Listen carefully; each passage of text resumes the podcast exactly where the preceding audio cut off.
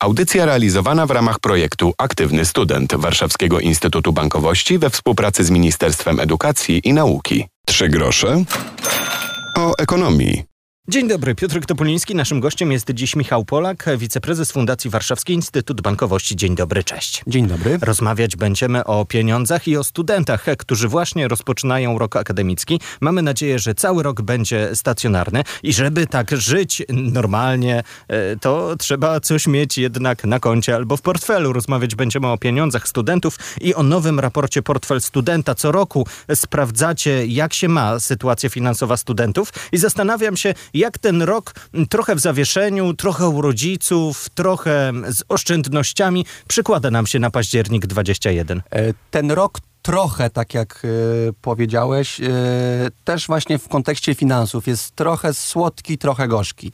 E, to znaczy to, co widzimy i to, o czym piszemy w naszym y, raporcie, to, to to, że z jednej strony faktycznie studenci e, finansowo odetchnęli. To znaczy nie ulega wątpliwości i to też wynika wprost e, z naszych badań, że dla co trzeciego studenta ogólna sytuacja finansowa uległa e, poprawie, co też w kontekście i w porównaniu do zeszłego roku no jest znaczącym pozytywnym trendem. W zeszłym roku tylko 8% studentów przyznało poprawę takiej swojej ogólnej sytuacji materialnej. To oczywiście wynikało z tego w tym roku przede wszystkim, że dzięki otwarciu gospodarki ponownie stała się e, możliwe dla studentów e, praca dorywcza, szukanie e, zajęć dodatkowych w gastronomii, handlu, usługach, co na pewno też pozytywnie wpłynęło na ich, mm, na ich mm, stan konta.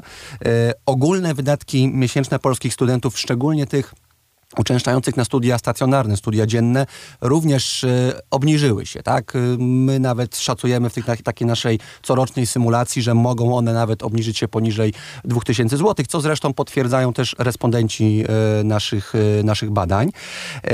To oczywiście wynika przede wszystkim z ograniczenia kosztów, na które wpłynęło w największym stopniu w przypadku zwłaszcza właśnie studentów stacjonarnych rezygnacja z najmu studenckiego, rezygnacja z najmu czy to e, mieszkań, e, czy też e, dom, pokojów w domach studenckich. Choć teraz wracamy, o mieszkaniach rozmawialiśmy w jednej z ostatnich audycji i już teraz zachęcam do obserwowania podcastu Trzy grosze o ekonomii. Tam długa rozmowa poświęcona temu, jak wynajmować chcemy i chcielibyśmy. Tak jest. A to, co y, gorzkie, to, co jest właśnie tym takim bardziej e, szarym e, odcieniem na, na tej palecie barw e, finansów studenckich, to fakt, że po pierwsze, niestety rośnie nam odsetek osób w wieku studenckim, które deklarują wprost brak oszczędzania comiesięcznego, odkładania nawet drobnych kwot 100, 200, 300 zł, nawet 50 zł. Za chwilę spróbujemy jeszcze poszukać dróg, jak wygląda wykształcić w sobie tego typu odruchy. I ra razem z tym e, brakiem oszczędzania, co myślę, że nawet jest wprost skorelowane, to także e, bardzo niepokojąco wysoki wskaźnik, jeżeli chodzi o e, własną ocenę poziomu wiedzy ekonomicznej. Tutaj 90% e, naszych badanych w wieku 18-24 lata wprost ocenia swoją wiedzę finansową jako małą lub bardzo małą. To w kontekście po pierwsze oczywiście przyszłego dorosłego życia, ale także tego, z czym się obecnie e, musimy mierzyć wszyscy, czyli rosnący poziom e, inflacji, e, także bardzo dynamiczna sytuacja na rynku kredytów hipotecznych. To wszystko jest e, takim już poważnym, nie żółtym, a czerwonym e, światłem alarmowym e, dla dla tych, którzy mogą e, w jakiś sposób e, wpłynąć na poprawę tego poziomu wiedzy, bo oczywiście e, taka, te, taka samo, takie samo zaangażowanie do tego, żeby, żeby się gdzieś tam samodzielnie dokształcać jest oczywiście wariantem idealnym, ale mamy też świadomość, że po prostu studentów trzeba w jakimś zakresie przymuszać do tej edukacji finansowej. Tutaj oczywiście z jednej strony rola, którą spełnia sektor bankowy, realizując wielkie programy edukacji ekonomicznej w szkołach na uczelniach, ale także liczymy, że dołączy do tego bardzo mocno również ten system edukacji formalnej. Pe pewne działania w tym zakresie podejmuje Rada Edukacji Finansowej przy Ministerstwie Finansów, natomiast potrzebujemy tego w zdecydowanie większym stopniu. Jestem ciekaw, co ciebie najbardziej uderzyło albo zaciekawiło, gdy przyglądałeś te dane i porównywałeś je z poprzednimi latami. Mówiliśmy przed chwilą trochę o tych oszczędnościach, które mogliśmy mieć dzięki temu, że przez ostatni rok siedzieliśmy z rodzicami i wielu z nas nie wynajmowało swoich kwadratów. Teraz znów sytuacja się zmieni, ale życie studenta to nie tylko mieszkania, to nie tylko praca, to także wydatki codzienne, życiowe, książki, restauracje, wypady, wyjazdy. E, tak, my co roku w ramach naszego raportu wydawanego razem ze Związkiem Banków Polskich przygotowujemy też oprócz prezentacji e, najnowszych badań e, w zakresie finansów i szeroko rozumianej edukacji, także taką symulację miesięczno-miesięcznego rachunku. E, w tym roku na tapet wzięliśmy studentkę prawa, przeciętną studentkę prawa z Krakowa, mieszkającą pod Krakowem, e, ale w domu, w domu rodzinnym i tutaj uwzględniając fakt, że jest to studentka niestacjonarna, no to e, ta kalkulacja średnich miesięcznych wydatków, mimo rezygnacji z mm, wynajmowania na stałe mm, e, mieszkania, czy też domu, e, pokoju w domu studenckim w Krakowie, te koszty i wydatki jednak nieznacznie wzrosły. Tak? I na start mamy czesne.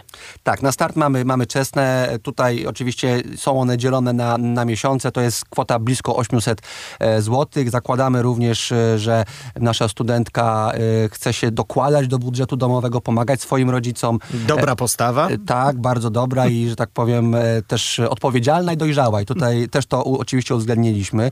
Uwzględniamy też oczywiście niestety te rosnące ceny, między innymi w zakresie restauracji, w zakresie ubrań, w zakresie, w zakresie również innego rodzaju rozrywki. Widzą to wszyscy konsumenci, niezależnie od stanu wykształcenia, można tak Dokładnie, tak powiedzieć. Także tutaj to wszystko, to wszystko uwzględniamy. Są też e, tak już, e, e, można powiedzieć, popularne wśród studentów elementy, jak comiesięczne subskrypcje w popularnych serwisach filmowych czy, czy muzycznych, na których również możemy audycję Trzy grosze ekonomii słuchać. Bardzo polecamy, obserwujcie. Także to wszystko, to wszystko uwzględniamy i to oczywiście pokazuje fakt, że niestety to życie studenckie, przynajmniej w przypadku studentów niestacjonarnych, jest, jest droższe. Oczywiście należy też uwzględnić, tutaj też nie można gdzieś tam o tym zapominać, że e, na drugiej szali mamy jednak e, pewnego e, zakresu rosnące pensje. Również dotyczy to oczywiście samych studentów, także w pracy, w pracy dorywczej. Dzisiaj Pewnie. student zatrudniony na stanowisku kelnera czy sprzedawcy w sklepie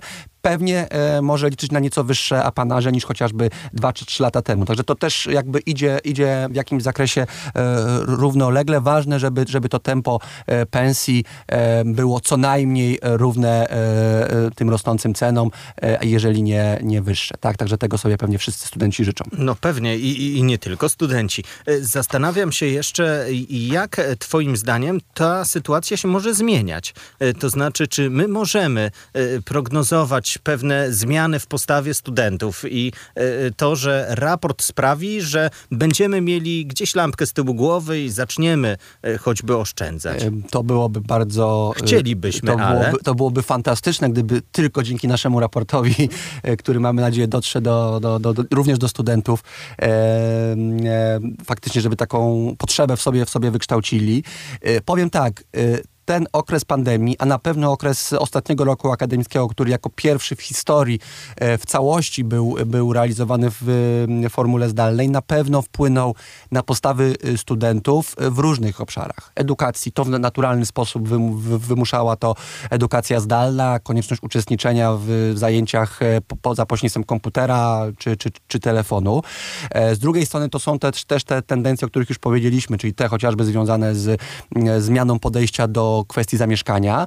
E, jeżeli chodzi o samo oszczędzanie, myślę, że też e, e, ci co bardziej rozsądni studenci też widzą, że dzięki temu, że kiedyś powiedzmy parę lat temu zaczęli oszczędzać, to w momencie, w którym nastąpił całkowity lockdown gospodarki, stracili źródła, źródła dodatkowego dochodu, mieli z czego jednak te, e, te oszczędności też, na tak zwaną czarną godzinę, która bez względu e, na wszystko przyszła niestety właśnie w dobie pandemii, mieli z czego te e, oszczędności czerpać. Także myślę, że ci, którzy oszczędzali już wiedzą po co to robili, bo właśnie na tak zwane trudne czasy. Ci, którzy dzisiaj podchodzą nadal bardzo beztrosko, no mówiąc może trochę brutalnie, bardzo przykro się za chwilę rozczarują, tak? bo, bo wiemy, co, jak wygląda sytuacja na rynku mieszkań, jak wygląda e, sytuacja ogólnie w sklepach, także tutaj e, takie oszczędzanie na długoterminowe cele, z jednej strony e, oczywiście te mieszkaniowe, ale też e, cele zdrowotne, cele edukacyjne, czy przede wszystkim tak e, też często podkreślane cele emerytalne, tak? No, wiemy ostatni, z ostatnich dni, jak może wyglądać e, stopa zastąpienia, jeżeli chodzi o, o emerytury za kilkanaście lat, to ona już jest na poziomie dalece niezadowalającym, więc co dopiero w przypadku osób, które przyjdą, przejdą na emeryturę w tak abstrakcyjnym dla nas z dzisiejszego punktu widzenia roku jak 2070, 2075. A mowa o was. Dokładnie, mowa o, o tych osobach, które dzisiaj zaczynają, zaczynają studia, także, e, także to jest wszystko e, bardzo, bardzo dynamiczne i bardzo szybko się zmienia. To, co się nie zmienia i to, do czego e, e, zachęcam, to nie jesteśmy w stanie przewidzieć kolejnych kryzysów, ale jesteśmy w stanie y, się na nie przygotować. I to zarówno w wymiarze oczywiście tym y, makro, w tym wymiarze ogólnopaństwowym, ale także indywidualnym, indywidualnego podejścia do oszczędzania, indywidualnego podejścia do inwestowania, do tego, żeby po prostu tymi finansami świadomie zarządzać. I zaczęliśmy już rozwijać ten temat, to znaczy nawet student, dziewiętnastolatek musi trochę myśleć o tym, że emerytem kiedyś będzie i życzymy sobie oczywiście tego, by e, tego wieku dożyć i by to, co na naszym koncie będzie za tych lat 30-40, żeby nas e, powiedzmy zadowalało. Może zostawmy e, tylko to słowo. No ale warto w sobie wykształcać pewne nawyki dotyczące oszczędzania, bo ostatnie lata pokazały też, że warto jednak coś na koncie mieć na czarną godzinę, zwłaszcza gdy ona serio przychodzi. I zastanawiam się, jak ten swój budżet, który nie jest z gumy, e, rozdzielić tak rozsądnie, by po pierwsze no nie głodować, by prowadzić ciekawe życie i móc skorzystać i z kultury, i z imprez, i z jakiegoś różnego rodzaju wyjazdów, a przy okazji jeszcze coś na tym koncie mieć. Czy grosz do grosza i będzie kokosza, jak kiedyś w y, przysłowiach mawiano? Ma to sens? Ma to absolutnie sens. Oczywiście e, wiemy i tutaj też e, jako Fundacja Sektora Bankowego e, nie zaklinamy rzeczywistości. Wiemy doskonale, jak poziom historyczny, niski poziom stóp procentowych wpływa chociażby na oprocentowanie depozytów i lokat w bankach. Natomiast na pewno to wszystko, co się dzieje wokół nas, to wszystko, czym się obecnie musimy w wymiarze gospodarczym, ekonomicznym, również e, indywidualnie jako gospodarstwa domowe, czy pojedyncze osoby, w tym przypadku studenci, e, zmagać.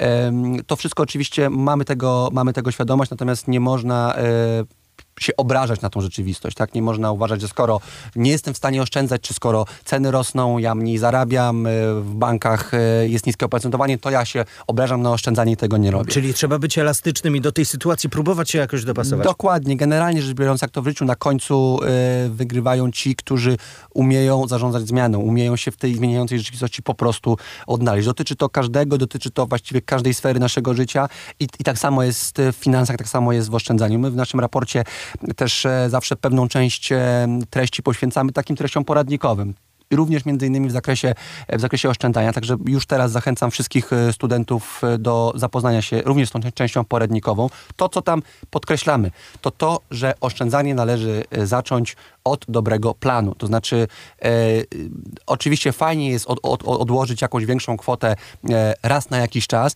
ale proszę, proszę uwierzyć i uwierzcie, że, że takie nawet mniejsze kwoty, ale co miesięcznie odkładane, mogą e, naprawdę czynić, e, czynić e, cuda. Oczywiście wiem, że dzisiaj z punktu widzenia chociażby studentów pierwszego roku, myślenie o tym, co za 5-10 lat, to jest e, tak daleko posunięte science fiction. Ale to nadchodzi, uwierzcie. ale to, to nadchodzi szybciej niż się, niż się nam, nam wydaje. Natomiast natomiast ci wszyscy, którzy o tym będą myśleć w dłuższej perspektywie, po prostu na końcu, na końcu wygrają. Wiemy, że emerytura kojarzy nam się z kochaną babcią, z kochanym, kochanym dziadkiem, ale wbrew pozorom dotyczy też każdego, każdego z nas. Warto też nawet przy tak zwanym piąteczku, idąc ze znajomymi gdzieś na, na, na jakąś imprezę, czy zbierając na wymarzonego smartfona. Ustawić limit na kartę. Ustawić generalnie rzecz biorąc limit i też, też taką poprzeczkę, że, że, że czasem mniej znaczy, znaczy więcej. I w finansach jest e, dokładnie e, to samo. Ja natomiast też chciałbym mm, e, tutaj nawiązać do jeszcze jednego elementu naszego raportu, trochę mniej związanego z finansami, ale też jednego z trendów, które, które wskutek pandemii się mm, pojawił, czyli wszystko, co jest związane, jeżeli chodzi z, o aktywność w cyberprzestrzeni. To jest niezwykle ważny temat dla nas jako sektora bankowego, sektora, dla którego bankowość elektroniczna i wszystko to, co się dzieje w cyberprzestrzeni jest również E, niezwykle ważne. I tutaj niestety studenci również mają e, pewną e, pracę domową do odrobienia. To, co nas, przyznam szczerze, trochę zmroziło, to fakt, że dzisiaj jedynie 15% studentów deklaruje, że używa różnych haseł do różnych kont w banku, poczcie elektronicznej czy, mediów, czy mediach społecznościowych. To jest strasznie zatrważająca dana, ponieważ no to wskazuje, że tak naprawdę wykradzenie jednego hasła przez hakera może go spokojnie doprowadzić do kilku miejsc, w których są nasze dane, w których są, są nasze pieniądze, w których są nasze zdjęcia. To wszystko jest mm, niezwykle ważne. Tak samo y, widzimy dzisiaj na przystankach, w, w, komunikacji miejskiej, ale też po prostu na ulicy, czy w każdym innym miejscu, w jakim jesteśmy, młode osoby ze smartfonami y, w, w dłoni i niestety te młode osoby, y, mniej więcej to trzecia taka młoda osoba deklaruje, że nie ma zainstalowanego programu antywirusowego w swoim smartfonie. To także przy korzystaniu z aplikacji mobilnych, przy różnego rodzaju mediach społecznościowych. To wszystko jest także bardzo, e, bardzo niepokojące. Oczywiście... Nie mówiąc o tym, że e, e, dają się również młodzi nacinać na sytuację, kiedy dzwoni ktoś do nas i ściemnia, że jest pracownikiem banku, ale wszystko to brzmi tak wiarygodnie, a tu proszę coś zainstalować, a tu podać. No my się po prostu dajemy łowić. Pamiętajmy jedną rzecz. Nigdy bank nie dzwoni do nas, aby poprosić o kod PIN do karty, aby poprosić hasło do bankowości elektronicznej. Sposoby weryfikacji przez, e, przez pracowników banków są stricte określone i są tak, w taki sposób skonstruowane, aby, e, aby było to bezpieczne również dla, dla samych klientów. I tutaj też zawsze warto stosować zasadę ograniczonego zaufania.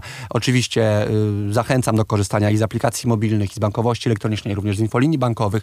Natomiast e, w zakresie tych połączeń, które do nas trafiają z zewnątrz, które my odbieramy, zawsze jednak warto e, mieć taką pewnego rodzaju ostrożność e, i nie bać się też pewnych rzeczy zweryfikować, zanim coś klikniemy, zanim coś sprawdzimy w mailu, zanim nawet kolega napisze do nas na Facebooku z prośbą o szybkiego blika tak. na, jakąś, na jakąś kwotę. Naprawdę niestety to jest gdzieś tam pewnie cień rzucający się na ten dynamiczny rozwój rozwój e, ogólnie nowych technologii e, wokół nas, e, że wraz z rozwojem tych nowych technologii również hakerzy rozwijają swoje metody i swoje narzędzia, które niestety bardzo często trafiają na podatny grunt. I co ważne, i to też podkreślę, że musimy taką swoją wiedzę, również mówiliśmy o wiedzy ekonomicznej, ale teraz także o wiedzy cyfrowej, musimy tą wiedzę cyfrowo, cyfrową, tak jak program antywirusowy, co jakiś czas aktualizować, ponieważ to wszystko się bardzo dynamicznie zmienia i po prostu warto o tym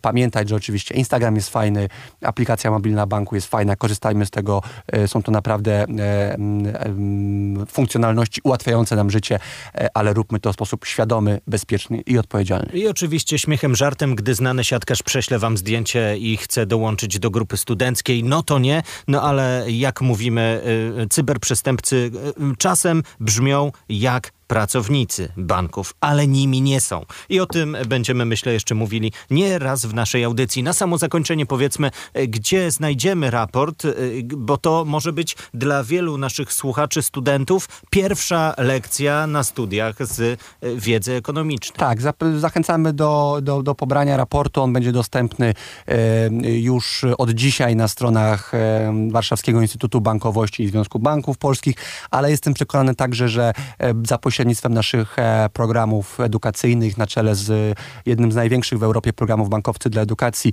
z dosyć dużą dozą prawdopodobieństwa, mogę to powiedzieć, trafi również do e, samorządów e, waszych uczelni, czy do was bezpośrednio podczas wykładów, podczas, podczas szkoleń dla studentów pierwszego roku. Za pośrednictwem tego docieramy do, do, do setek tysięcy studentów co roku i mamy nadzieję, że również do tych, którzy nas dzisiaj słuchają, także, także dotrzemy. I generalnie także zachęcamy nie tylko do lektury tego raportu, ale ogólnie do takiej otwartości na, na różnego rodzaju źródła wiedzy ekonomicznej. My jako Warszawski Instytut Bankowości przygotowujemy również serię filmów edukacyjnych, audycję, w której, w której dzisiaj mam przyjemność, przyjemność występować i szereg, szereg różnych e, aktywności, e, kursów e-learningowych. To wszystko jest e, dla studentów, co ważne, to wszystko jest bezpłatne, bo nie ulega wątpliwości, że tak jak powiedziałem na początku, mamy świadomość, że aby docierać do studentów z tą wiedzą ekonomiczną, musimy gdzieś tam e, być bardzo mocno elastyczni, e, ale też mamy nadzieję, że z drugiej strony będziemy mieć takie sprzężenie zwrotne, pozytywne i że studenci jednak będą wiedzieć, że tak jak kiedyś uczyli się języka angielskiego, tak jak kiedyś uczyli się obsługi komputera, tak dzisiaj po prostu trzeba się uczyć e, finansów i nabywać kompetencji cyfrowych. Zachęcał do tego Michał Polak, wiceprezes Fundacji Warszawski Instytut Bankowości, autor raportu Portfel Studenta. Ten raport wydano wraz ze Związkiem Banków Polskich. Dzięki za wizytę, dzięki za rozmowę. Ślicznie dziękuję i powodzenia w nowym roku akademickim. Piotr Topuliński, dzięki, do usłyszenia. Polecam podcast Trzy grosze o ekonomii na Spotify'u. Warto nas obserwować, słuchać, no i słyszymy się za tydzień. Cześć. Audycja realizowana w ramach projektu Aktywny Student Warszawskiego Instytutu Bankowości we współpracy z Ministerstwem Edukacji i Nauki.